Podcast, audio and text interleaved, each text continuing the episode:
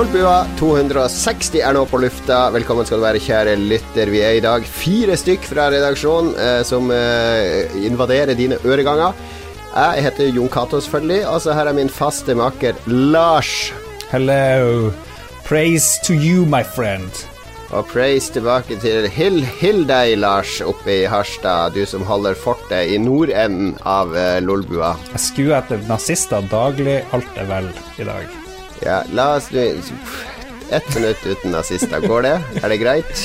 Har ikke sett en snurt av pedofile for lenge.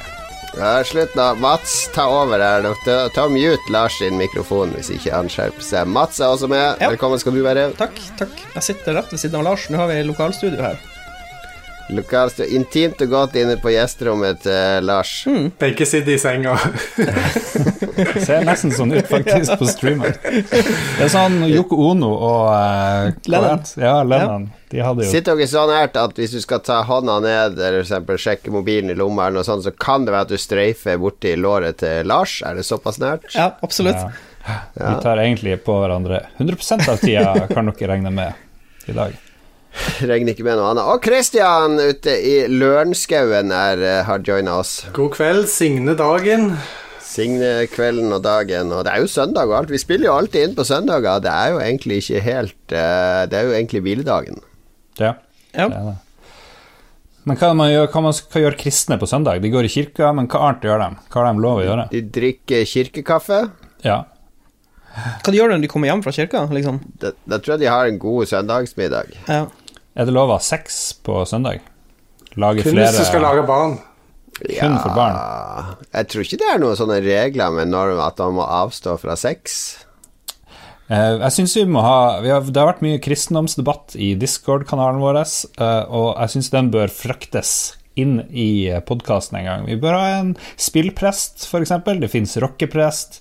Det fins uh, sånn her hasjprest. Det finnes offshore-prest. Offshoreprest. Hvor er spillpresten? Han kan vi En lage. gamerprest. Ja. Jeg er i hvert fall den eneste som har gått på kristen videregående skole her, tror jeg. Og da, er, da er du så å si en prest, Christian. Så nær en kan komme. Nei, hvis, jeg, hvis det er en prest som hører på, det tror jeg Det tror jeg er ganske slim chance. Hvis det er en prest som er lytter av Lolba og har lyst til å være gjest, en prestegamer, så gi oss beskjed, så skal vi, eh, skal vi få deg inn i vårt gjesteskjema. Eh, vi har en fullspakka sending, så jeg syns egentlig vi bare skal peise på. Ja. Vi må jo sjekke litt først selvfølgelig hva som har skjedd siden sist, og da tror jeg kanskje Christian har den mest spennende episoden, for han har vært i USA og lagt en helt gigantisk kabel. Han har lagt en, en så svær kabel at den strekker seg fra USA til Europa. Ja, du har nesten helt rett. Kabelen eh, er i ferd med å begynne å bli lagt nå. Men jeg var på et kurs i USA for eh, å forberede meg på den eh, kabellegginga. Ja, fordi det her er jo Det har med jobben din å gjøre, med liksom, fiber og internett og sånne ting. Jeg har et kabelspørsmål. Ja. Er det sånn at liksom det er to som begynner å legge Altså de ene begynner i USA, og de andre begynner i Norge, og så legger de bare kabler, begge to, og så møtes de midt i Atlanterhavet? Eller? Det er òg nesten sånn en, ja, her, På den kabelen her, som er 7500 km lang fra New. Jersey til Kristiansand, så blir det brukt tre stykker båter. Og den ene Three, båten three, three girls, one kabel. One kabel, ja. Så det er den ene båten er allerede nå utenfor Skottland og skal begynne å legge i retning eh, Danmark og Norge der. Og så kommer det en som skal starte utenfor Irland, og så er det en som starter på eh, østkysten av USA. Hva det koster å legge en sånn kabel, tror du? Det er sikkert Mer hemmelig. enn vi får inn i Patrion-penger, i hvert fall. Det kan jeg love deg. Jeg er sjokkert. Det er ganske dyre greier, og det er jo ganske avansert teknologi òg. For at, eh, her kan du ikke bare legge kabelen, du må repetere disse signalene med jevne mellomrom. Så det er pluss-minus 90 forsterkere som ligger på havbunnen eh, på hele strekket. Ja, får, vi, får vi bedre ping nå til eh, serverne? da vil du, hvis, du, eh, hvis en leverandør som leverer internett til deg, eh, kjøper seg inn i den kabelen der, så vil du få lavere latency mot USA, ja.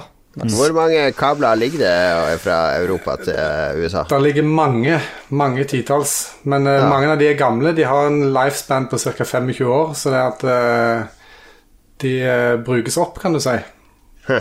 Hvis jeg, For jeg var jo Når jeg var i militæret, så var jeg linjemann, så jeg har jo lagt eh, Det har sikkert et par mil med kabel. Er det, er det nok kvalifikasjon for å jobbe med de, å legge kablene deres? Nei, det tror jeg Jeg tror jeg å har sveiva og sveiva Ja, ut det på samme har jeg gjort i Forsvaret. Ja, nettopp. Ja. Jeg har jo faktisk eh, lagd kabel. Jeg legger kabel hver dag, faktisk. Så Du, det, du er unik, Lars. Absolutt. Nei, så dette er ganske interessant for eh, selvfølgelig for mitt selskap, men òg for eh, Norge. For konnektiviteten til Norge. Ja. Men du var en god stund i USA, vi har jo fulgt deg på sosiale medier, og det eh, har stort sett gått i biff Det er korona. biff, korona og wings er det det har gått i. Det er ganske Og- ensidig uh, diett du har, Christian. Du må gjerne Eh, disse dietten min, men det, er, det bare preller av som vann på gåsa. Det, Det er ikke dissing. Altså, vil si at noe er ensidig, er jo ikke egentlig dissing, det er jo bare en observasjon. Du, vi har mobba Kristian så mye for den korona. Det, han er jo eh, Men det gjør alle. Alle er sånn 'Å, dette er pissvasser, dette er bare vann', og sånt. Så det, jeg tar meg ikke nær av det lenger. Det er lenge siden jeg tok meg nær av det. Men eh, i går, faktisk, siden du snakker om eh, hva du har gjort i det siste, så var jeg på eh, en gourmetaften med syv retter og syv forskjellige øl og syv forskjellige viner. Holy moly, det må jo ha Tok du valium eller noe sånt for å, for å manne deg opp?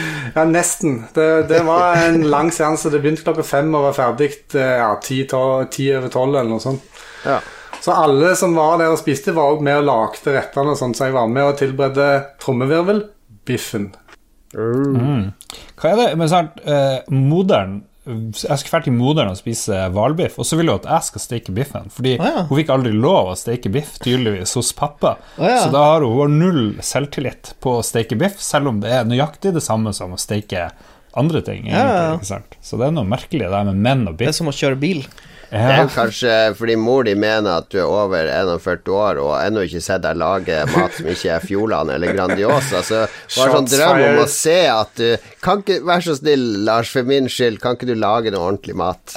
Jeg deler jo bilder av min mat, min veganske mat Ja, på Insta. Helt du er en racer på fisk. syns, Ja, ja. Den siste du delte, jeg syns det så ut som koteletter. Er det, er det fau-koteletter, eller er det Jeg så, ja. Soya? Det er soya. Du kan få veldig god soyakylling. Du vil ikke tro at det ikke er soya, iallfall når du ser det. Nei, det ser ekstremt Ja, men legitimt det, ut. ja, det er veldig bra. Anbefales vegansk eh, livsstil. Og hvis du har dyr, gi vegansk mat til dem òg.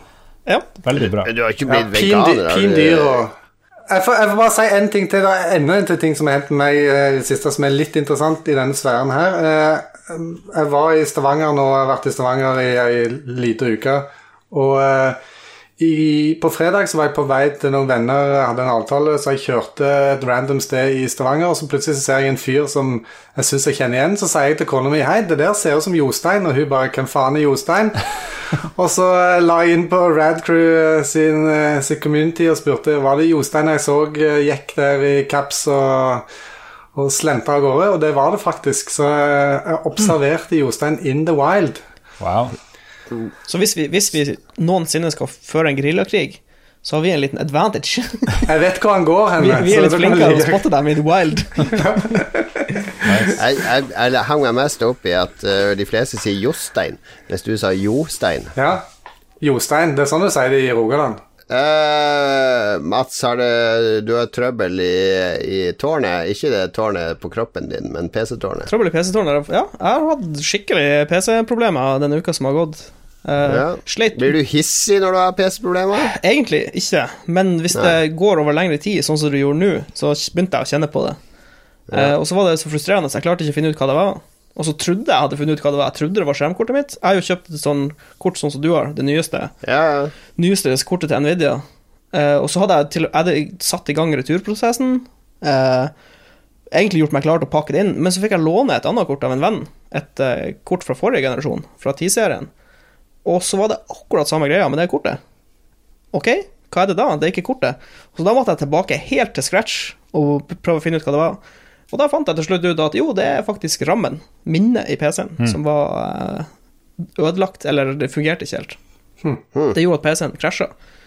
Helt sånn tilfeldig. Hvor mye energi vil du si du bruker på feilsøking og sånne ting? Det er jo, PC er jo ganske viktig for Ja, det, det, det, det, det kjipeste med feilsøking er at du googler problemet du har, og problemet når bare PC-en krasjer, så er det litt sånn Det er litt eh, generelt. Det kan være mye.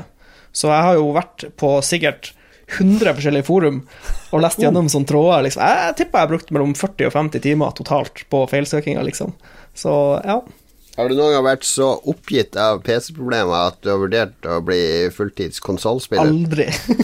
For det, det, går an å fikse det. Altså, du kommer til bunns i det, som sagt. Men jeg var, jeg var litt sånn på eh, Litt sånn på nippet til å bare fyre opp PlayStation og spille litt Red Dead Redemption, men jeg beit tennene sammen og fant ut av det. Så nå tror jeg alt er i orden, da, håper jeg. Men det er jo, det er jo det er en bakside av medaljen ved å være PC-hobbymann. Det kan, mm. det kan skje ting med PC-en. Godt å høre at det ordna seg, i hvert fall. Uh, siden sist har jeg vært uh, på Nordic uh, Hva heter det? Nordic, Nordic Game, Game, Convention i Malmö. Ja, Og du var med noe lydopptak òg derfra, har du ikke det? Ja, jeg tok en del lydopptak, men så måtte jeg sende den der uh, opptakeren gjennom uh, den der røntgengreia Jeg hadde jo ikke lagt det i kofferten, så jeg måtte jo sende det gjennom der bagasjebåndet. Da ble kassetten, lydbåndet i den lydopptakeren, ble sånn avmagnetisert, så det gikk ikke an å høre på når jeg kom hjem. Avmagnetisert? ja. Det tror jeg faktisk er en ting som kan skje. Ja, i tillegg så det ble det ganske vått oppi for flyet oppi der bagasjehylla, så, så den avstyreren ble ganske våt. Og jeg har, den er til reparasjon nå. Jeg leverte den, akkurat sendt den inn. Ok, Men da kan det hende vi får noe lyd litt seinere, da? Ja, ja, ja, vi får se om det går an å berge. Jeg har, jeg har en kompis som er ekspert på sånne lydbånd og sånn, så han driver og ser på det lydbåndet nå. Så han sier det er 40 sjanse, så kryss fingrene, så kanskje det blir noe lydopptak. Ja. Vær positiv. Kanskje neste uke, da. Nei, og greit, jeg tok ikke opp noe lyd jeg Helvete. Jo, men jeg må sjonglere rollene mine. Men jeg har vært i Malmö. Det var gøy, eh, sosialt, artig. Jeg var med i en paneldebatt om, eh, om kontraktsforhandlinger i mellom utviklere og publishere. Eh, der det var noen advokater og meg og en annen. Og så var jeg DJ på den store festen i en time, som jo er veldig gøy. Eh, og eh, ja, stort sett så en del talks og ditt og datt. Tog? Talks. Ah, ja, det heter talks. foredrag, heter det på norsk. Det var jo tog der nede, det har ikke vi. Ja, vi har tog. Lars ble entusiastisk. Han hørte ordet tog. Spiller litt musikk, og så roer du ned Lars, den nybakte veganeren.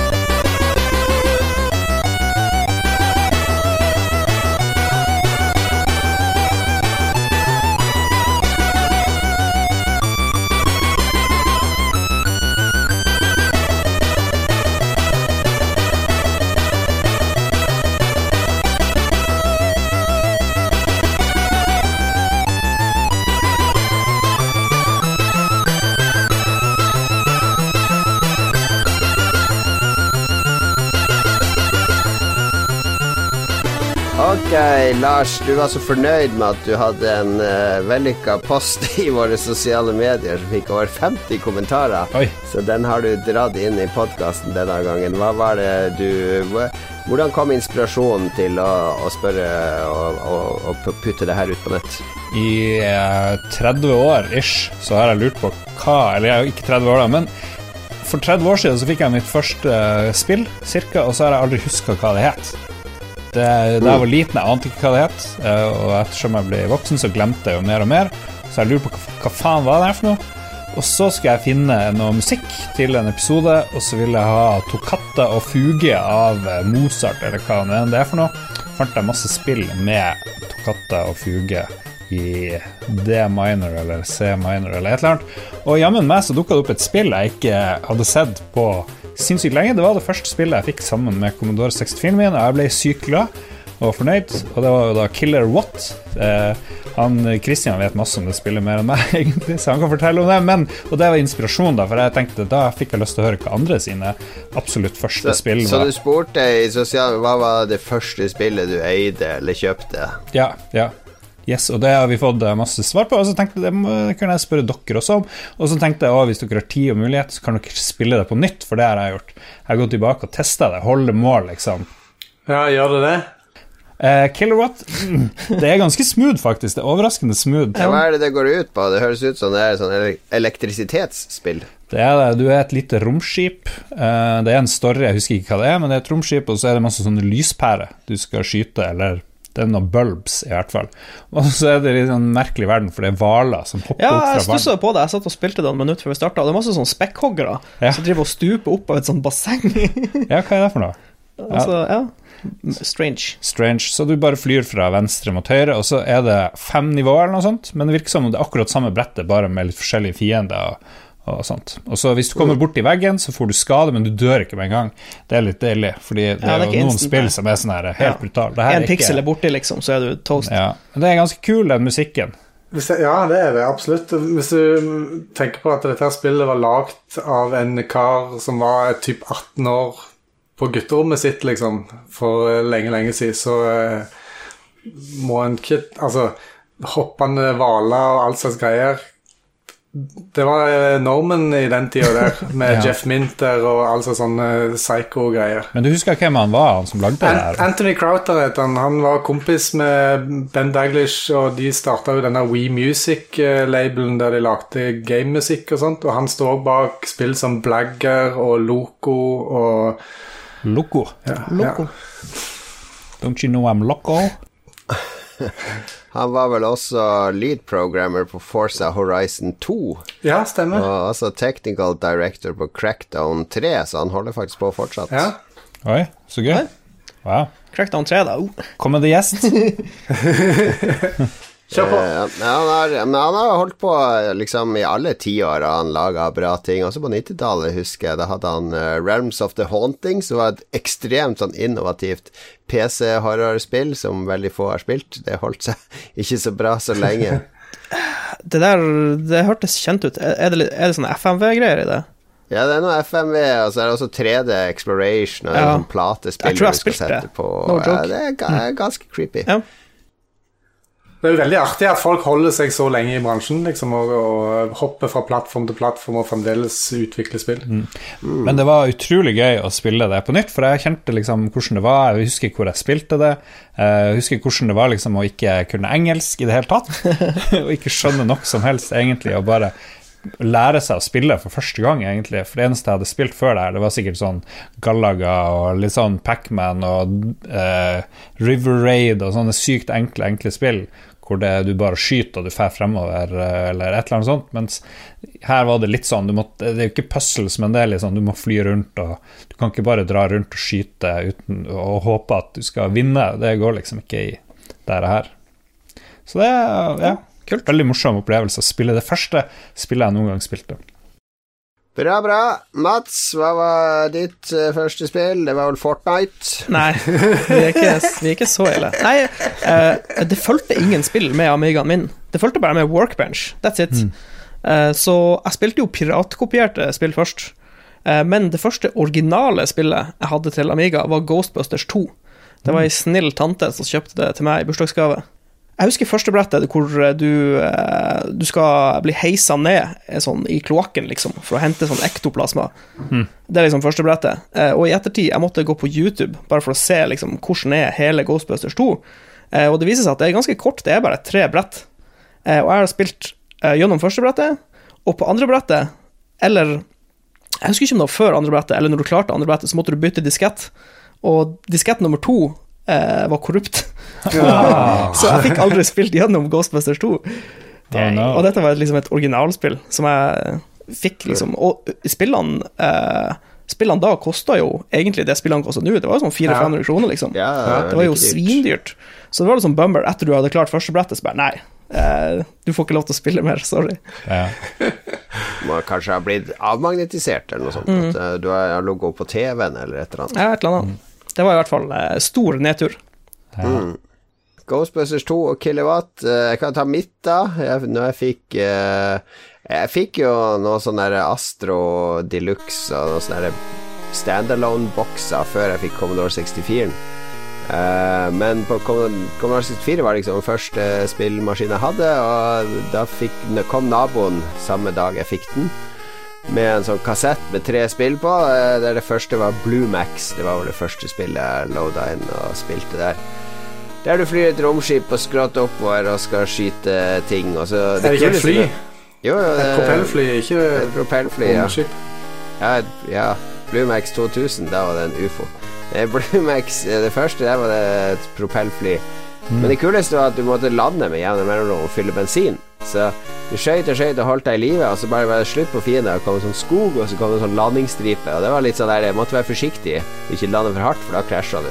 Og treffe den stripa, altså fylle opp bensinen. Jeg husker det var veldig spennende, akkurat den landinga, men ellers var det Og så var det veldig spennende, du kunne også fly under bro. Ja. Hvis du torde, da. Posisjonere deg riktig. Det var ganske risky. Det var en fin følelse når du klarte det. Så det var vel egentlig Blue Max. Og så kjøpte jeg for bursdagspengene mine dagen etter kjøpte jeg et spill som heter Jumping Jack, som er en sånn der eh, Frogger-klone, sånn isometrisk. Så jeg husker det tok 200 tellerskritt å laste inn. Det var Oi, sånn oi, det 13 minutters eh, prosess å laste inn det spillet. Jeg måtte jo spille det. Jeg spilte det en del bare fordi jeg hadde kjøpt det, men det var liksom mye lettere å laste inn disse turbotape-spillene, fant jeg ut. Uh, har du prøvd noen av de? Har dere prøvd eh, Har du prøvd Ghostbusters 2 igjen, liksom? Nei, jeg, jeg gikk på YouTube og så en longplay hvor han spiller gjennom Men det er jo bare tre kart. Altså, det tar tolv minutter, liksom, å spille gjennom spillet. Det er liksom Det er ganske utrolig at folk betalte 500 kroner for det back in the day. Ja, nei, fordi, Blue Max ja. spilte jeg igjen i fjor, og det var, var omtrent sånn som jeg husker det. Altså, det er ikke verken dårligere eller bedre, jeg vet ikke. Ja. Det var, jeg husker det egentlig ganske presis, for jeg spilte det så sinnssykt mye. Jeg hadde bare det og Shamus, hvis dere husker det, Ja. som var sånn her uh, Maze-type spill. Og et tredje spill som jeg ikke husker, var de tre jeg hadde på den kassetten, pluss Jumping Flash. Det var liksom en måned med de spillene før jeg møtte noen som også hadde flere spill, som vi kunne kopiere. Så, så jeg spilte jo Bloom X veldig mye. Christian, ditt uh, første spill? Uh, mitt første spill jeg, Som deg så starta jeg opp med litt sånn kopierte spill og, og sånn på turbotape, men det første spillet jeg kjøpte sjøl i uh, 1985, var Summer Games 2. Oi. Oh. Da hadde jeg allerede spilt Summer Games 1 eh, på piratkopi, eh, men jeg husker at vi meg og min familie vi skulle til Kristiansand, så vi kjørte innom i en databutikk i Lyngdal og kjøpte dette spillet. For det, hadde jeg sett, en annonse et eller annet sted at de hadde eh, en del spill. Ja, Var du fornøyd med det, da? For det var jo egentlig en litt sånn nedtur etter Summer Games 1 var veldig rent estetisk, men så i toeren så ble det sånn hestestridning og Ja, det var, liksom, det var ikke den samme action som det var med, med joystick-runking og sånt, eh, med Nei. løping og alt dette her. Det var mer eh, Ja, det var sånn triple jump og hesteridning, som du sier, og hva var det mer det var? Spydkasting. Bueskyting, var det ikke det der? Bueskyting var det kanskje òg, ja. Høydehopp var det iallfall. Fekting. Kajakk. Ja. Ja, det var altså sånne Det var på en måte eh, second rank Ja, annensortering, ja. aktivitetene. Som det, dette var de som liksom landa på gulvet under første Summer Gamesen, og så plukka de det opp igjen. B-lista over Ja. aktiviteter. Men det var jo en sinnssykt populær serie med spill, da. Summer Ja, Games. Winter Games kom vi etterpå. Ja, for man, man følte det var så bra valuta, liksom. For du fikk mange spill i Ja, ett spill, liksom. Det var sånn wow! Men du fikk òg lang loading med Ja, på kjøpet. Nei, jeg kjøpte, dette kjøpte jeg faktisk på disketter, siden jeg hadde diskettstasjon allerede i 1985. Så det, Såpass, ja. Jeg husker vi hadde Når vi spilte Winter så sa han sånn, Du kunne være multiplayer, ikke sant? Så det kunne være åtte spillere. Man bytta på spillere. Noen ganger var det duell to mot to, men det kunne jo være, registrere åtte spillere i starten, og så satt man og spilte gjennom alle grenene, så var det sånn poeng og scoreliste etter hver omgang, og til slutt og da var det sånn Vi var jo helt fanatiske på det. Vi måtte opp og stå når du vant, og det var din nasjonalsang og sånn. Det var utrolig mye sånn eh, kjekling. Var det krangling om hvem som skulle være Norge, eller var det noen andre nasjoner som på en måte var Nei, nei, vi var ikke så opptatt av det. De hadde jo, husker jo alltid med en sånn der fake nasjon Ja. som heter Epix, som var liksom spillutvikleren. Mm. Ja. Ja, ja, ja, det var første spill, og vi har også fått masse bidrag i, i gruppa vår Lolbua Entourage, der folk har delt minnene av eh, hva det første spillet deres var. Foreløpig er det ingen som har Fortnite som sitt første spill. Men jeg tenker det, det finnes jo en hel titusenvis av eh, barn som har Fortnite som sitt første spill. Kanskje ikke det første spillet, da. Det skal mye til for at du ikke har spilt noe som helst. jeg tipper det er mange som har første spill på iPad nå. For Ja. liksom, foreldrene gir kiden en iPad, basically. Ja. Lykke til med å hus finne ut og huske hva det var av de 30 000 Free to Play-spillene som ble lansert det året eh, du var tre år, liksom.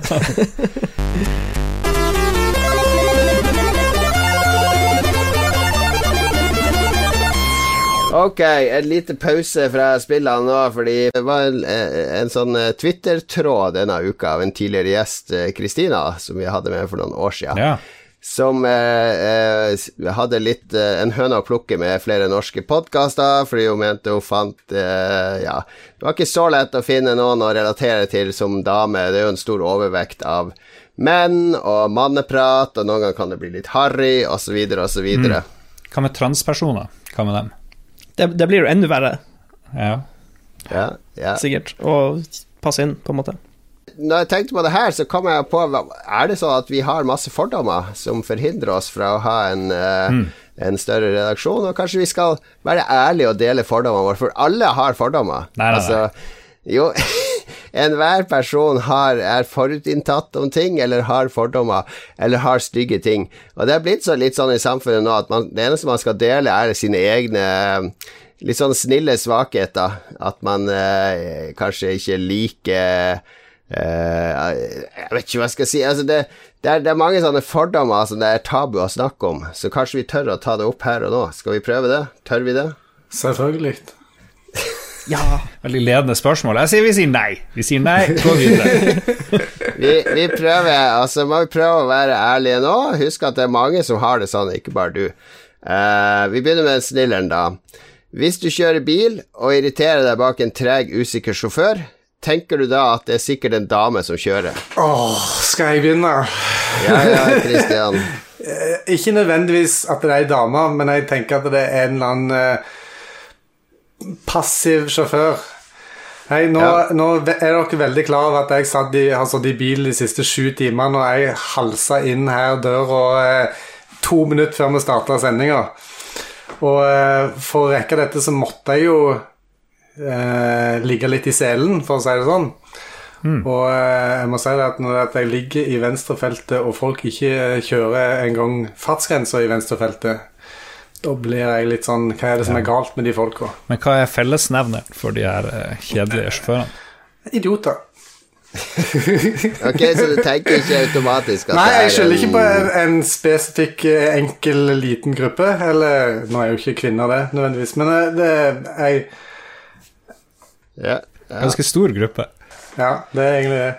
Jeg, jeg kan, Mats og Lars, dere kjører kanskje ikke så mye? Nei, som sagt, eh, jeg, jeg kjører ganske mye. Eller, ja, jeg Ja. kjører nå i friperioden, da. Eh, Men jeg, som, vi var jo litt inne på dette i forrige episode, faktisk, med det med bilkjøring og skam. Eh, Og jeg er jo en fersk sjåfør. Har bare hatt lappen Mm. i fire år. Så jeg, jeg er utrolig tålmodig eh, hvis det er noen som Ja. er treg for meg. Jeg blir ofte, Hvis jeg kjører til Narvik, og sånn, så er det ofte jeg som blir forbikjørt. For jeg liker ikke å mose 20 km over fartsgrensa. Liksom. Jeg, jeg liker fartsgrensa. Og spesielt hvis det er dårlige forhold, hvis det er glatt eller noe sånt. Da kjører jeg ganske sakte. Ja. Ja. Jeg, jeg tror det er kanskje mer at det er noen gamlinger. Jeg tror gamlinger kjører Ja. Men jeg ligger aldri Jeg er fordomsfull for eldre, muligens. Ja, kanskje det. Nei, jeg må jo innrømme at jeg Fordi når jeg, og rett, Automatisk så tenker jeg det er sikkert en dame, og så har det blitt, bare blitt underbygd, fordi fire av fem ganger så har det vært det, liksom. Jeg husker jeg å, brukte å si det til Synne når vi drev og kjørte, eh, og hun ble skikkelig irritert av det, da, fordi det, det alltid stemte.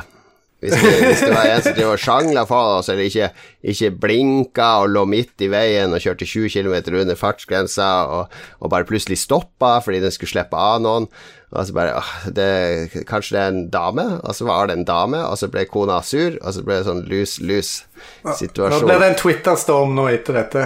Men så har jeg også tenkt på at det er jo eh, Det er jo egentlig min feil, eller menn sin feil, fordi når jeg og kona skal ut og kjøre, så er det alltid jeg som kjører, da.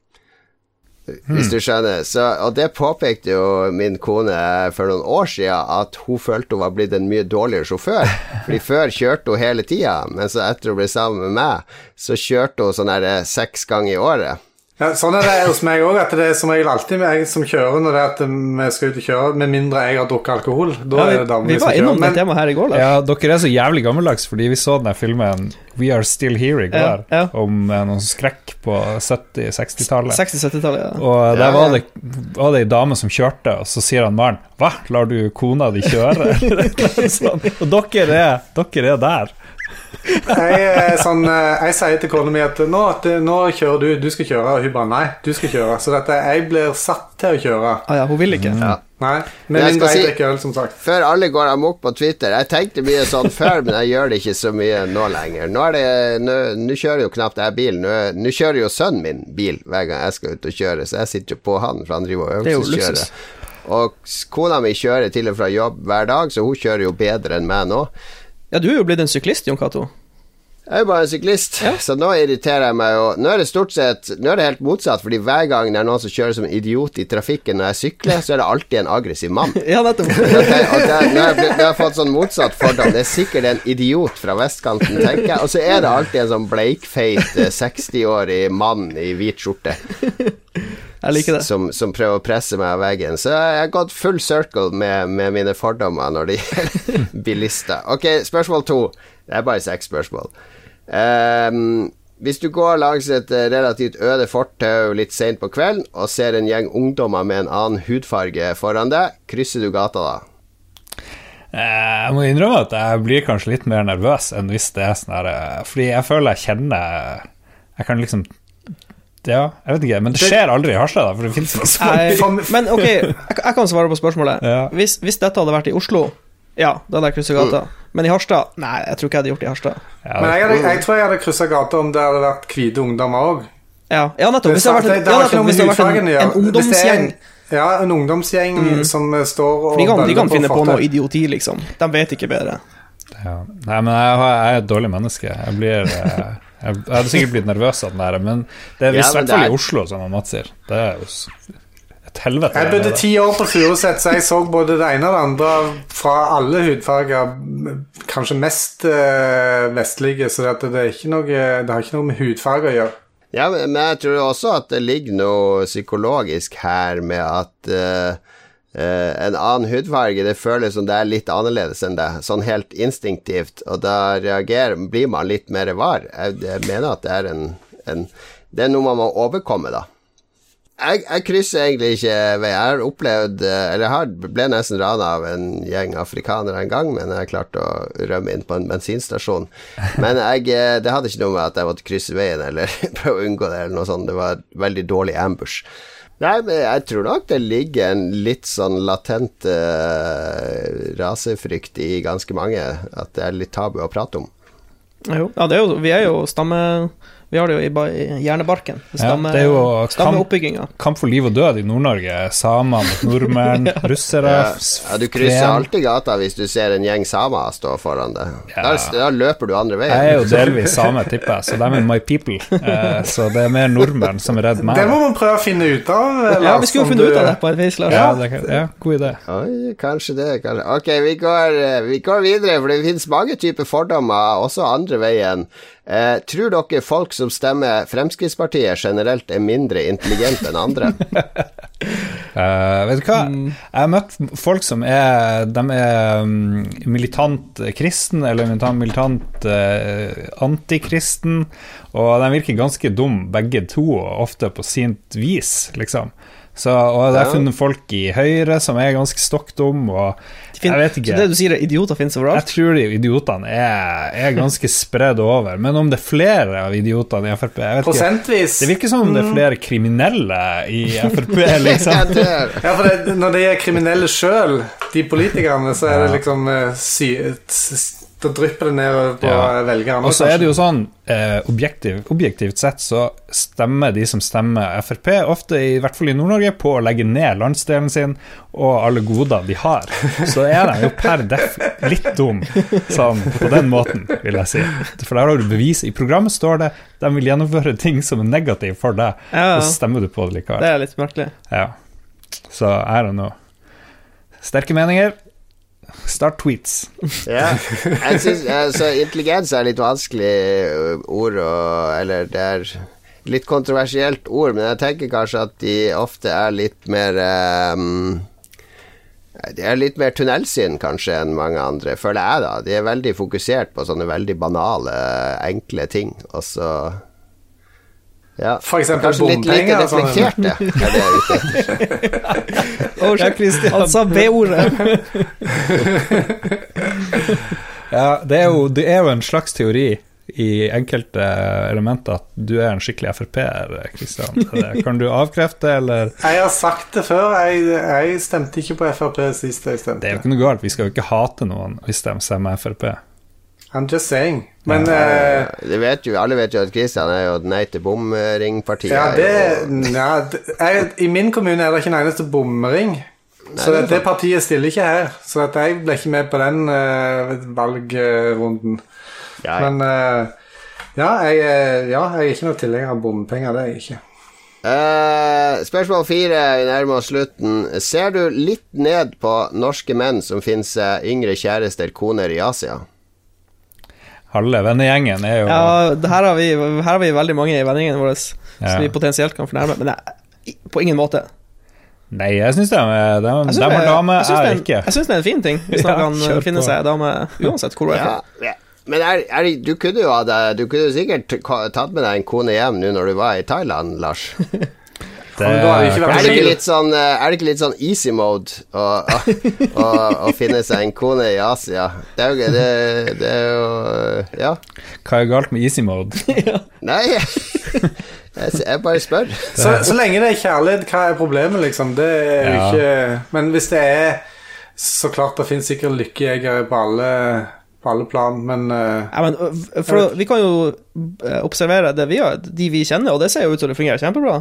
Ja. Altså, det er jo så Og de damene de uh, har gifta seg med, er jo uh, top notch. Ja, veldig fine personer. Vi har jo ei som ofte dukker opp på samlingen Water Cherry, og hun er jo ja. kjempeartig. Ja, ja, altså, det er ikke noe negativt om de damene, det er mer uh, at kanskje er det en liten stemme i deg som sier at de lykkes ikke med å få dame her, så de måtte dra dit for å hente seg dame. At det er en sånn der eh, Et eller annet sånn der eh, Det er jo det jeg tenker om eh, folk fra Nord-Norge som drar sørover for å få sånne søringdame. De har ikke helt lykkes der de kom fra. Drar ned på jakt. Litt sånn easy mode der nede. Ja, og Men jobb. hvis du ser en mann på 60 og en uh, thailandsk dame på 22, er det ekte kjærlighet, eller er det Det, det ser jo ikke helt bra ut, altså. Han, han stemmer Frp, det er jeg sikker på. Ja, det jeg. Nei, jeg bare tuller. Nei, eh, nei, det kan godt være ekte kjærlighet. Det, det Who is to know? Jeg unner jo alle å finne noen å dele livet sitt med. Selvfølgelig. Du stiller bare de tøffe spørsmålene, Kat. Det er helt greit. De fordomsfulle spørsmålene. Det er, det er som Holmgang, det her. Eh, vi savna han der eh, Vi savner han der som hyler og skriker på bakerste benk, han eh, Bauge, taxisjåføren. Ja. Ok, vi må innom uh, andre fordomsfulle tema òg. Syns du det er ubehagelig å se to menn kysse? Nei.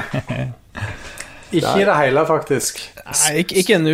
Hvis det er i pornoen min, så blir jeg litt sånn der. Mats og Lars, dere attmed. Få se, da. Kontekstbasert. Vi, Ja. vis, vis meg og Christian, skal vi se om vi syns det er ubehagelig.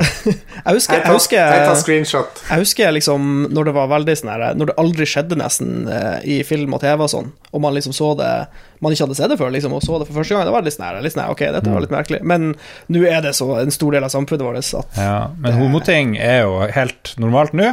Ja. Før, da jeg var liten, det var jo helt Nettopp, det var litt ikke, skummelt. det var, det var ikke noe som fantes, nesten. Det var Så det har jo vært en sånn greie. og- Var redd for Guds frede da. ja, Det er, men det er jo en kulturell tilpasning Mm. der vi har utvikla oss til å si at det her er jo ikke noe Altså, jeg syns ikke det er noe rarere å se to menn som kysser eller leier, enn å se to damer som gjør det, eller en mann og en dame. Det er det samme som det forrige spørsmålet. Det er, hvis det er kjærlighet, så flott. Helt Ja. fint. Vi er veldig fordomsfrie på dette. AC nå stryker og koser Lars og Mats litt på rett for å vise hvor fordomsfrie vi er på akkurat dette. Til slutt, da. Tar du tilbakemelding eller kritikk fra en mann mer seriøst enn tilbakemelding kritikk fra en kvinne? Nei, ikke Nei, jeg, tror, det. det- jeg tror det er faktisk mer motsatt. Ja, jeg at jeg tar det. mer alvorlig hvis det er fra ei dame enn fra en mann. Ja, hva kommer det av, da? Jeg vet ikke. Nei, jeg For dem er Det er et godt spørsmål. Ærligere, kanskje. Men respekterer Eller dere kvinnelige sjefer eller mannlige sjefer mer? like mye skal det jo være det rette svaret, er det Ja, ikke? ja det, det spørs jo hvilken type sjef de er, rett og slett. Hvilken personlighet de har.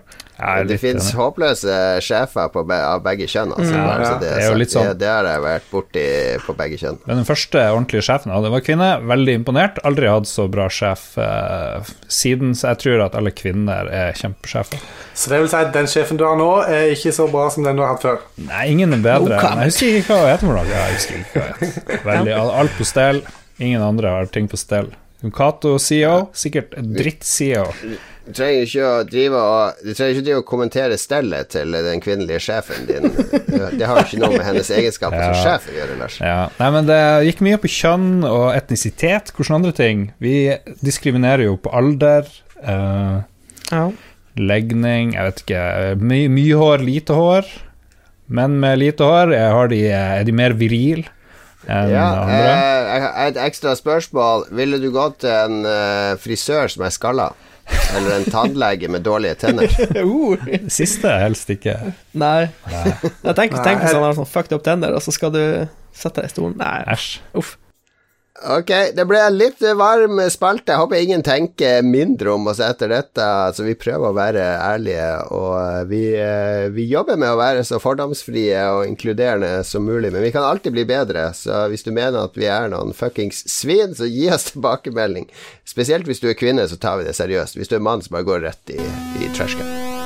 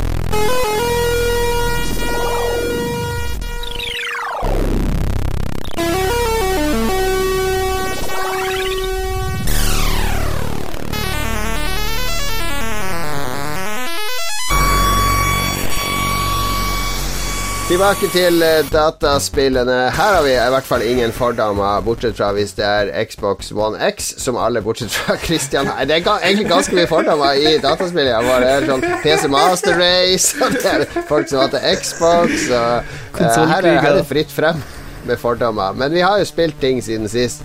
Og vi, jeg, jeg kaster ballen rett til deg, Lars, for du som vanlig så har du spilt noen gammel møkk, så la oss få det overstått. Så folk vil høre om nye spill. Du og Christian får starte det her, for her er det mye gammelt. Jeg kan begynne, da. Nei, Christian sitt er jo ganske nytt, selv om det er Ja, det Ja. Lars, Ok, um, jeg har hatt besøk av Mats, som Ja. sitter her med min side.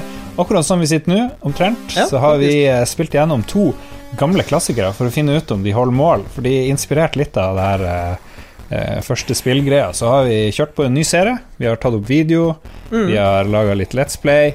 Litt kortere enn de vi har lagd Vi har, før. vi har gått for sånn ekspressformat. Ja, vi kjører litt sånne kvartersgreier. Ti minutter, kvarter. Eh, og vi begynte med North and South, det gamle Infograms-spillet fra jeg husker ikke, 86? 89, 89, unnskyld. Og uh, Turrican fra 90. Med Begge Christian. Amiga, eller? Begge Ja. Amiga-versjoner. Mm. Christian sin gamle kompis eh, Chris Hulsebekk har lagd Yes. musikken til Turrican. Så vi, eh, vi driver og leser i manualen. Vi har funnet manualene til spillene. Mm. Vi plages med å sette opp kontrollere. Og vi får spilt litt og finne ut hvor godt holder de her favorittspillene fra før i tida seg. Så jeg, jeg skal ikke trenger ikke si så mye om det, annet enn å reklamere for uh, ny videospalte som kommer ganske Ja. Men har du, er dette spilt på eh, din eh, actual hardware Amiga, eller er det Nei, emulator? emulert. Nei, det er Ja, det for var derfor jeg å tenkte Siden du sa keybindings og sånn, så tenkte jeg Ja, det er emulert. Det er emulert. Du har jo eh, good shit med noe skikkelig hardware, har du ikke det? Det må vi nesten gjøre òg. Ja, må få han opp, men det er jo et helvete å ta opp god video av ditt og datt Nei, på nei, nei, nei. Commodore. Ja, ok. Kom igjen, nå blir det produksjons, produksjonsprat igjen. så, så følg, følg vår, eh, vår YouTube-kanal, for der kommer det litt uh, av hvert. Smash that like. fremover. Så hvis noen andre i redaksjonen Subscribe. ja, ja, ja. Og hvis noen andre Like and subscribe oss på YouTube. Der, der skal Lars og Mats i eh, relativt korte videoer spille gammel ræl. ja, eh, Yes. og, og hvis noen andre har lyst til å spille gammel drit, så får Er dere lov til det. Løfte, sånn notorisk Lolbua-løfte som ikke blir noe av? Yes. Det blir én video, Nei og så er det Nei, vi, skal, vi skal mose på. Jeg har lagd to videoer allerede, så Right back husker vi hadde jo trademark på Lolbua Masterclass en periode, Ja, og så ble det så vi, må lite masterclass. vi må beklage eh, det på det sterkeste. Ja, og du vet, du vet hva som skjer og ble lite. Nå har Aftenposten tatt over. Aftenposten har begynt med Aftenposten Masterclass. De har rappa vårt Masterclass-konsept. Ty- What? Tyveren. ja. Men vi vet ikke helt hva vi skal kalle det her, fordi jeg tenker det det må være åpent sånn Kristian Christian kan lage video hvis han vil, og Mm. alle kan lage bidra, tror jeg. Ja, vi burde kanskje bruke Lolbua-navnet. Lolbua spiller gamle ting. Rælbua kan det hete. Rælbua. Rælbua, Rælbua. spiller Oh. gamle rælspill. Ja. Ja, Jeg liker det. whatever. Eller oldbua. Oldbua. Retrobua. Retrobua. Nei, slutt med det ordet retro. Ah, det skal vi ikke bruke. Ah, ja. Åndeligbua. Nei. Yes, nå, nå plukker jeg opp ballen, sånn at vi kommer oss videre her. Um, Ja, Christian, du har spilt en, eh, en tidløs klassiker som har gjennomstått og forsvunnet igjen. ja, det har jeg. Jeg uh, har spilt Super Mario på Commodore 64. Super Mario Bros. Bros, ja. ja. For uh, det kom ut en ny versjon av det spillet Eller den eneste versjonen på Commodore 64 kom ut nå for en måneds tid siden. Eh, det er en kar som kaller seg Zero Page, som har, uh, har brukt syv år på å lage dette spillet. Faen, hvor treg han er. Eh, ja, han er supertreg. Nå må jeg komme med en innrømmelse. Jeg har aldri spilt Super Mario på NES. NES. Oi. The fuck out of here. Ut av yeah, redaksjonen med denne mannen. Aldri. Og jeg, jeg har en Nintendo eh, Classic Mini, eh, Nes Mini, og der har jeg spilt eh, Mario i kanskje ti minutter. Så dette var egentlig mitt første møte med Super Mario. Men du har spilt Great Giana Sisters, som jo er Det har jeg spilt litt. originalen, Ja. som, eh, som de har kopiert. Ja, ja, ja. Det er Det beste. har jeg, så, så Nei, jeg, jeg Hvis jeg skulle gitt det Commodore 64-porten en karakter Jeg vet ikke Jeg Han må absolutt få en sekser for effort, for dette, den her har jeg forstått har vært veldig lik originalen i alt som foregår. Jeg, jeg spilte gjennom det med hjelp fra mine gode venner i Genesis Project som hadde gitt ut en trainer til det spillet, så jeg har kommet meg gjennom det og sånt, men eh, jeg vet ikke det, Okay. Jeg er ikke så, jeg er ikke så superbegeistra for det. Nei, det, det er et par sånne tekniske skavanker i spillet, da. Men eh, Hva du mener tekniske skavanker? Nei, det, det, går, det går litt tregt av og til. At det rykker og napper Ja, litt. det slår deg. Det slår deg, men, Det, sl slår opp. men du, det er vel en option med at hvis du har bedre hardware enn en Commodore 64, så kan du kjøre det smooth hvis du liksom har litt Det kan godt være det. Ja. Det, Eh, det er vel egentlig at hardwaren er for dårlig til å kjøre et NES-spill, tror jeg. Ja, det, det, det, det finnes jo litt hardware-forskjeller på Nesen og Commodore 64. Nesen hadde jo massevis av sprites, mens Commodore 64 bare i utgangspunktet hadde åtte. Og eh, hvis du skulle bruke mer sprite enn det, så måtte du trikse og mikse litt, og det tar litt CPU-kraft, kan du si. Ja. Men sier du at du kunne gjort det bedre enn han Nei, det er i hvert fall ikke på sju år. Eh, men eh, hvis du gitt en karakter, en eh, god firer ville jeg gitt det. Men det er med gameplay og alt. Jeg, jeg ble litt overrasket, for det, de gamle spillene som jeg spilte på Commodore 64, var litt sånn forutsigbare med tanke på enemy movements og sånne ting.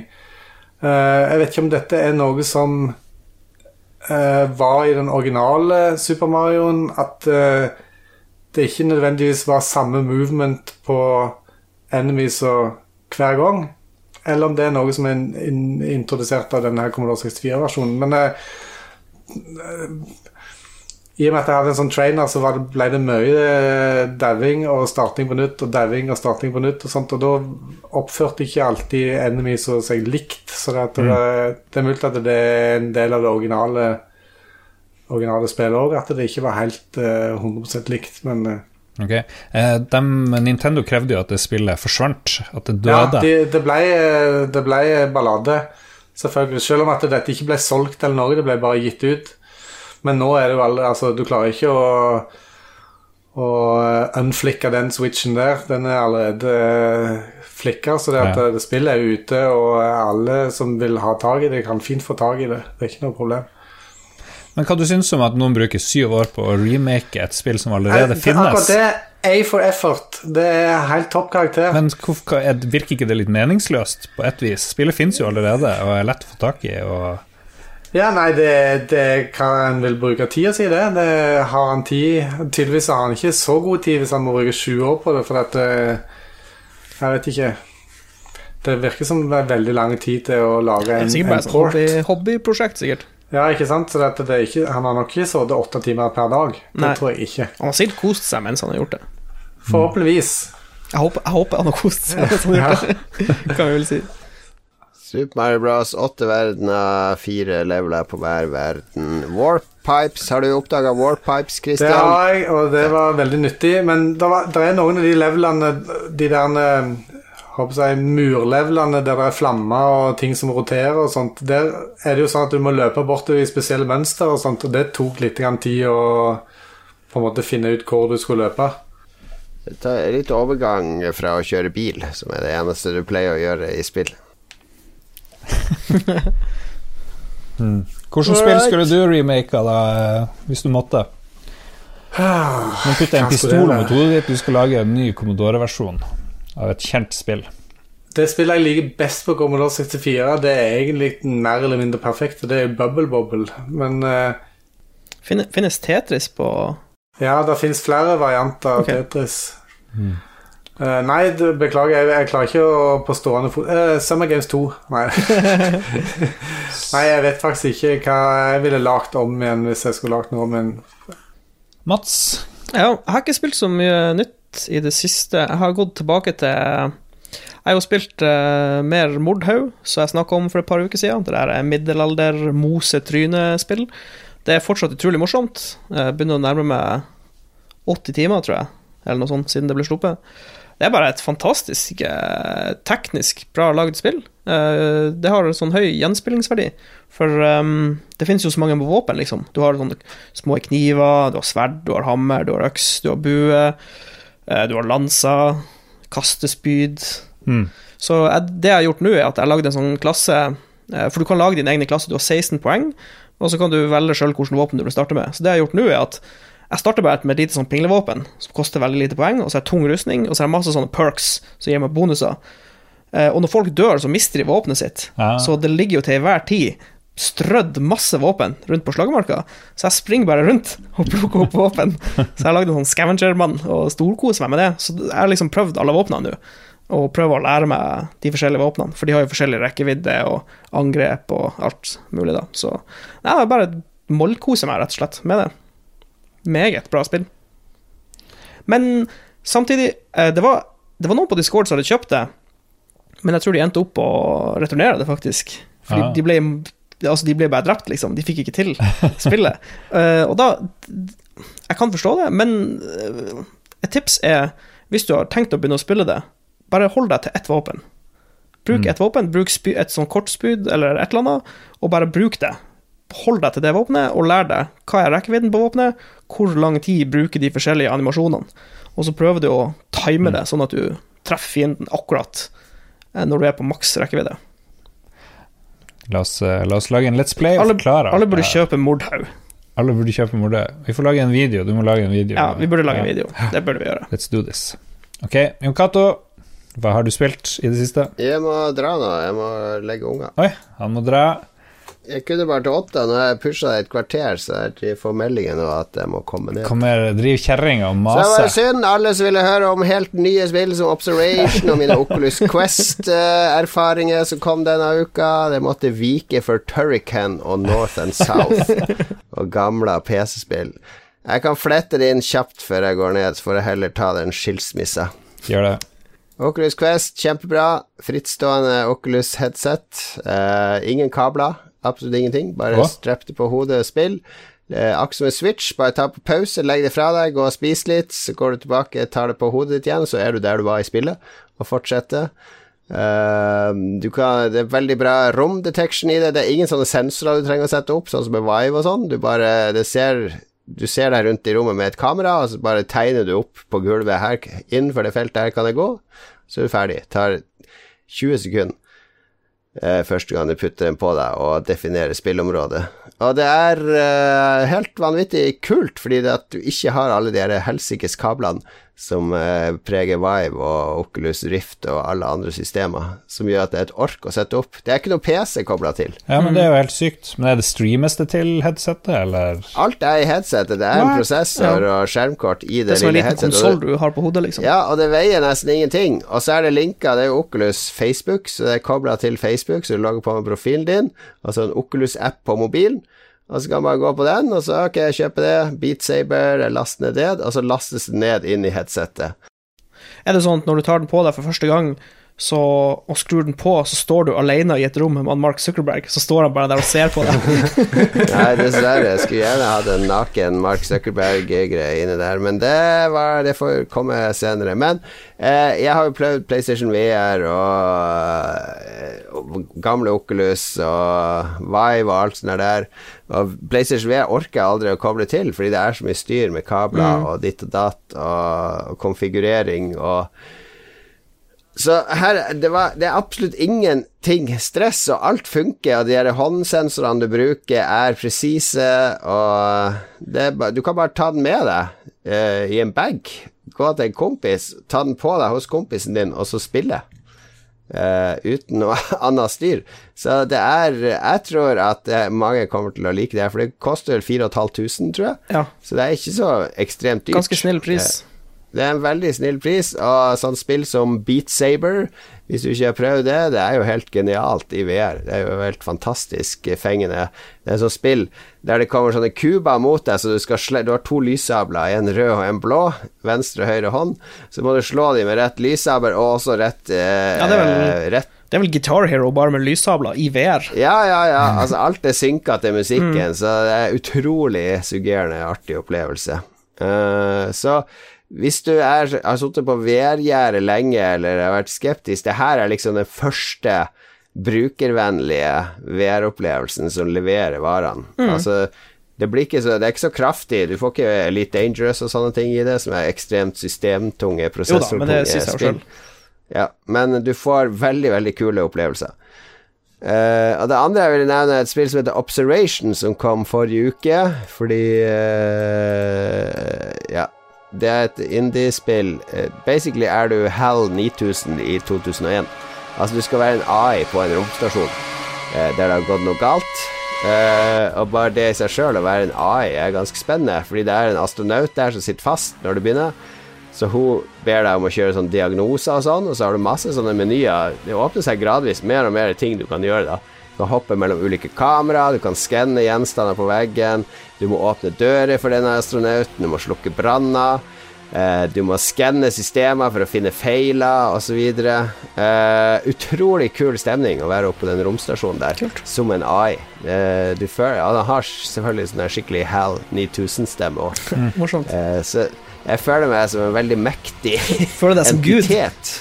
Ja, men jeg, jeg har aldri spilt som en AI før. Ja, ja. Altså, vanligvis er man jo fanga på en romstasjon som et menneske og skal løse ting, og så er det en, en vrang AI som du må kjempe mot, som i System Shock, f.eks. Mm. Mens det å være en AI De har, de har laga masse sånne finurlige små minipuzzles og minigames inni der som du som AI liksom skal løse. Eh, hun oppgir en sånn kode på ti siffer for å åpne en dør. Og da må du Hun sier 597883. Da da må du taste det inn samtidig inn i ditt AI-system og sende det videre til den prosessoren, og så får du en kode tilbake, så du må sende til henne, og ja. Så mye morsomt. Observation heter det spillet. Det er på PlayStation 4 og PC. Kult. Takk for laget, Jon Cato. Takk for nå. Hei da. Da slapp jeg unna lytterspalten.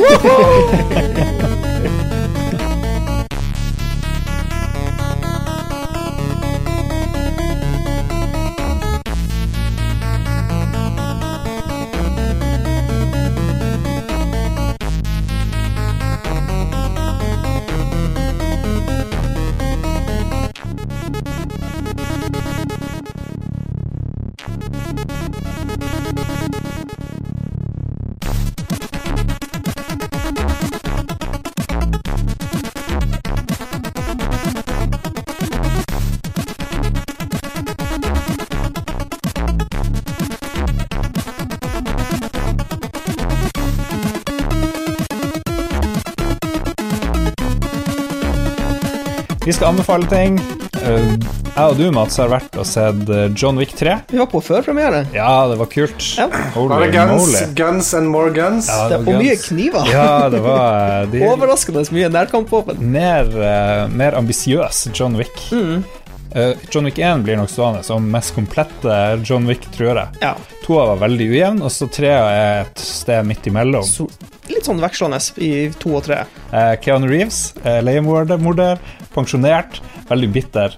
Uh, Og ikke, ikke hvordan som helst leiemorder. En sånn legendarisk Ja, leiemorder. Han, liksom, han klarer de tingene ingen andre klarer. Ja. Og toa begynner rett etter egentlig der ene sluttet, og det samme gjør trea. Mm. Ja, det Slutten er ganske, toa, ganske så- kort tidsrom, så- eh, de tre filmene. Ja, han er en jaga mann i treet. Altså, det, det, jeg liker, jeg liker trea hvordan det starter. Det er bare rett inn på godsaker. Det er masse knivkasting som jeg aldri har sett før. Utrolig kul actionscene. Shootout med masse kniver, eh, sånne revolvere, sånne western-revolver plutselig. Og, nei, det er mye morsomt.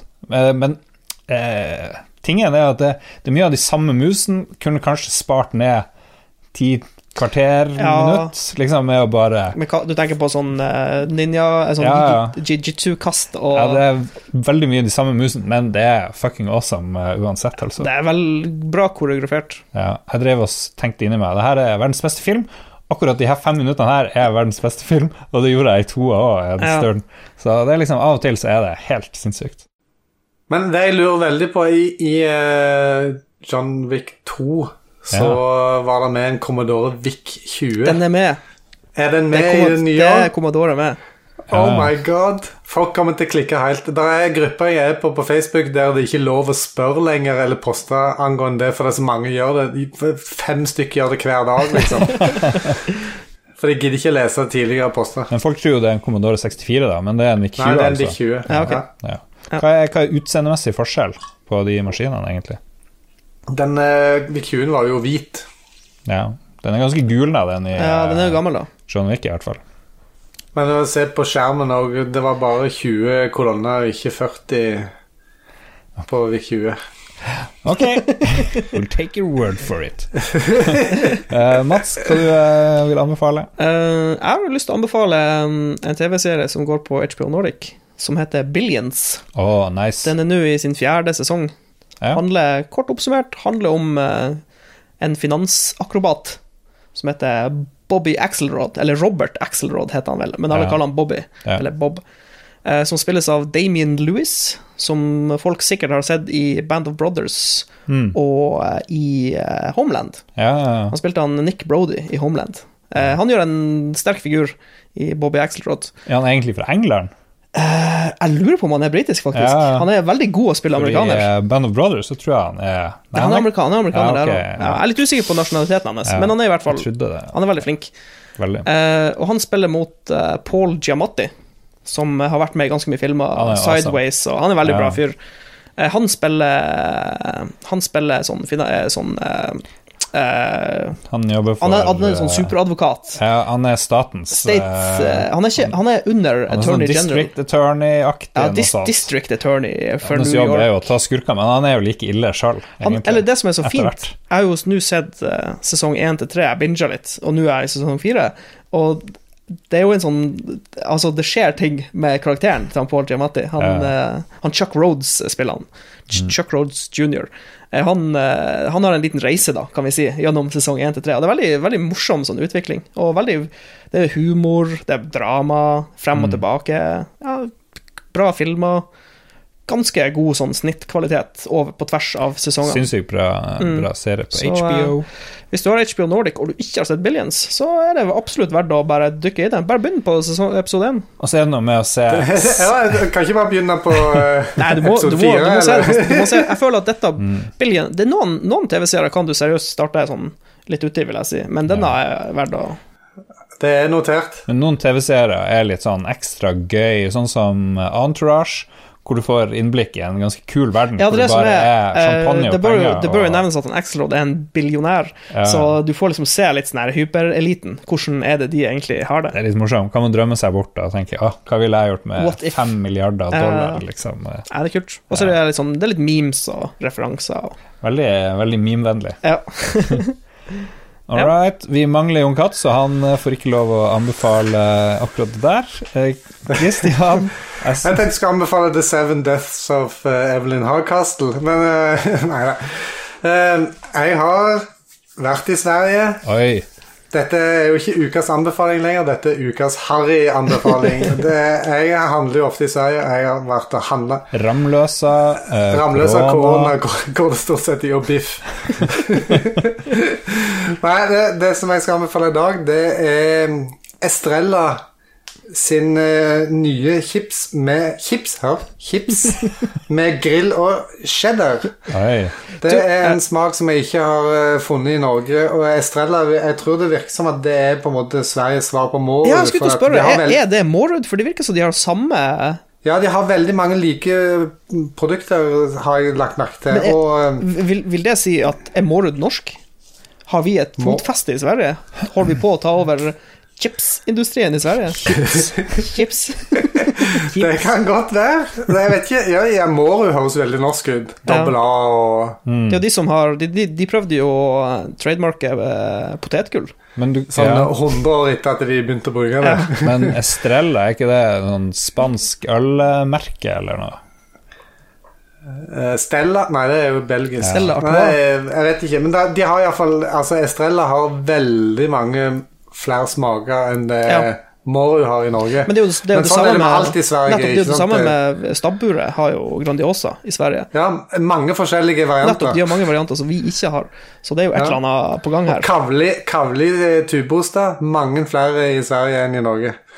Så ukas harry-anbefaling fra meg, grill og cheddar fra Estralla. Den er kjempegod i smaken, altså. Den er helt ny. Mm. Hvordan øl passer best til grilla cheddar? Eh, skal vi se korona.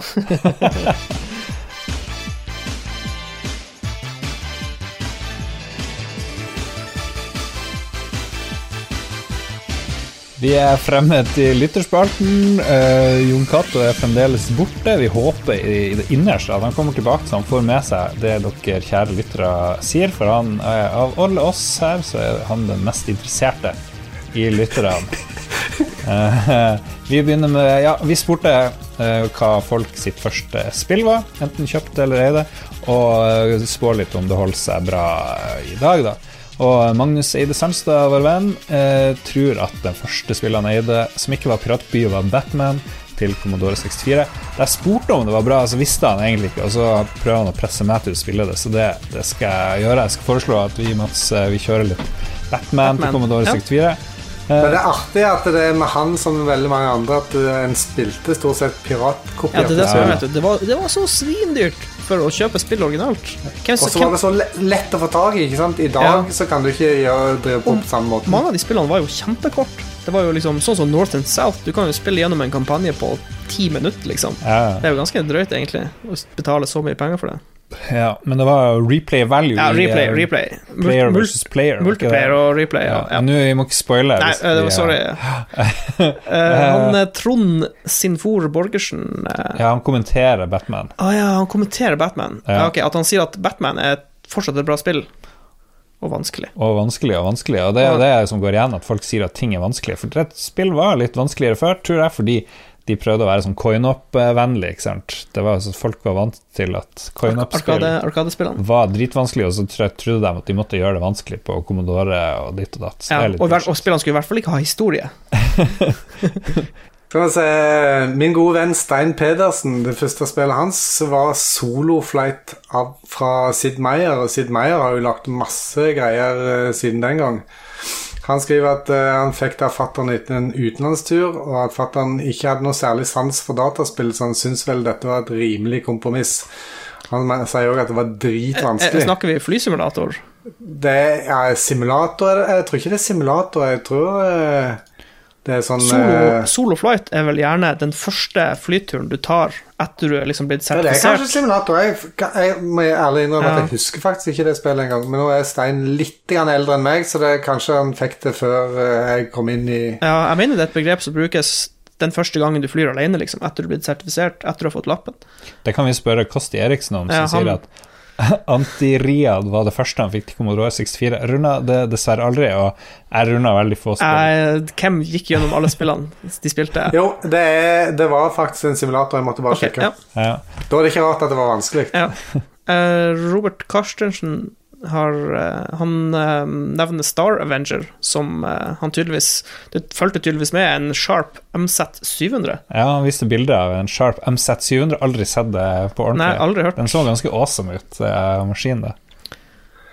Kurt Arne Strømmen Hans første spill var Mission Impossible, og det fulgte med Commodore 64 når jeg kjøpte den. Og så hadde han eh, selv, selv, selvfølgelig òg Winter Games med i samme slengen. For veldig mange så var jo Mission Impossible-spillet var jo Mission Impossible. Det var jo helt umulig Ja. å skjønne for en syvåring. Som tiåring så kunne du ikke forstå noe av det der eh, pusleopplegget som en skulle drive på med der. Men dette er jo òg et spill fra, fra Epics som lagde Summer og Winter Games. Torbjørn Praus Skau eh, sier at det første spillet han kjøpte, var The Secret of Monkey Island.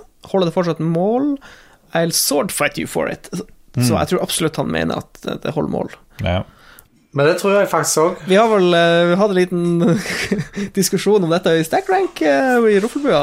Monkey Island. Hva syns vi Hvor bra er Monkey Hvor bra er egentlig Monkey Ja, Island? ta, Det, jeg tror det endte på andreplass rett etter ikke spoil, Og- må, må, uh, kun for Patrions. Ja, rett etter en, en veldig uh, pikant eh, politisk eh, fadese.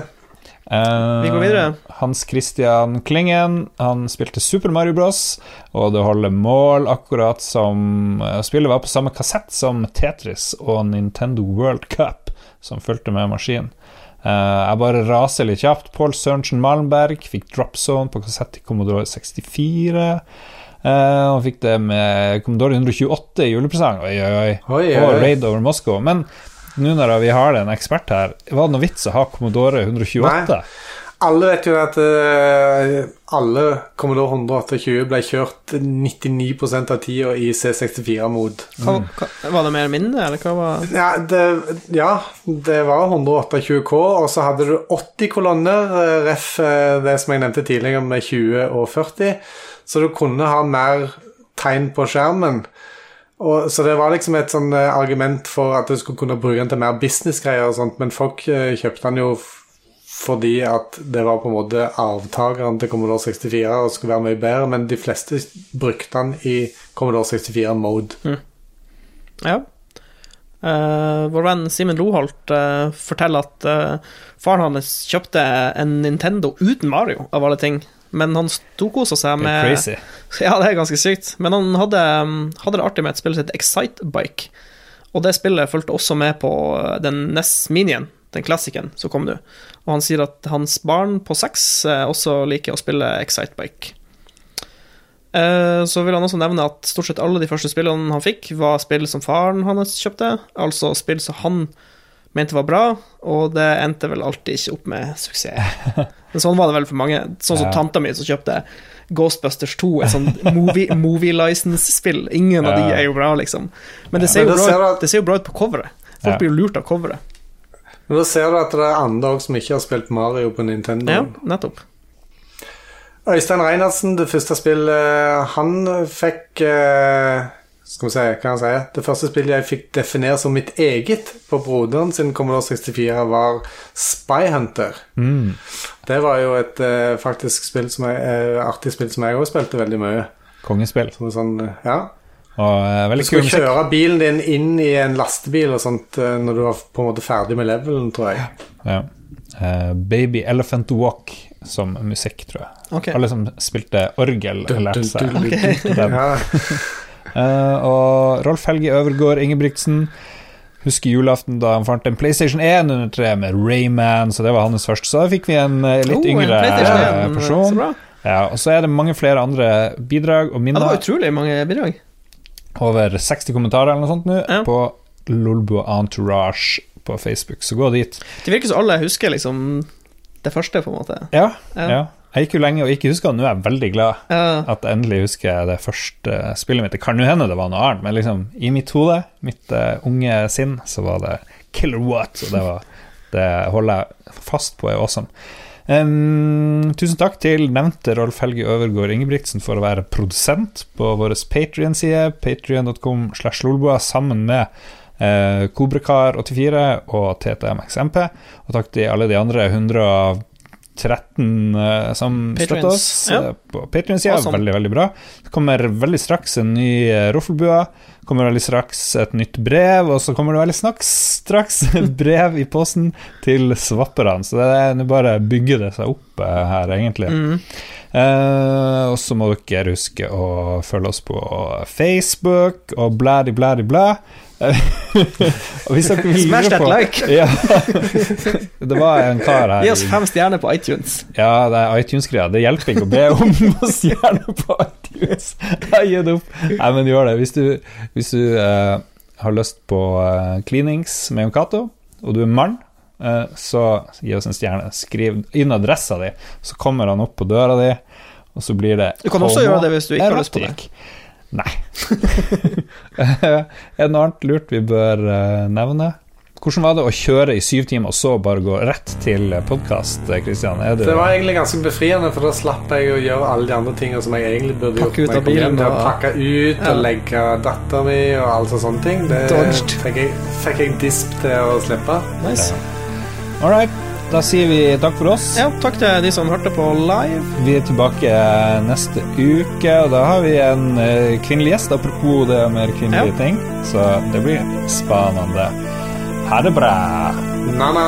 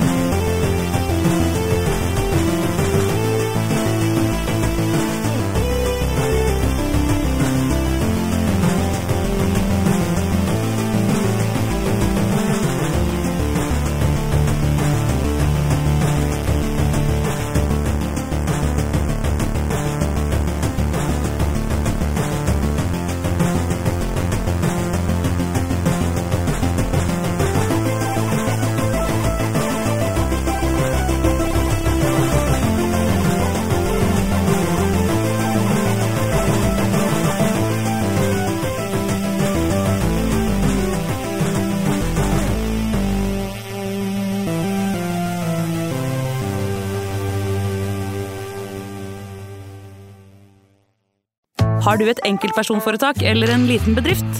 Da er du sikkert lei av å høre meg snakke om hvor enkelt det er med kvitteringer og bilag i fiken, så vi eh, gir oss her, vi. Fordi vi liker enkelt. Fiken superenkelt regnskap.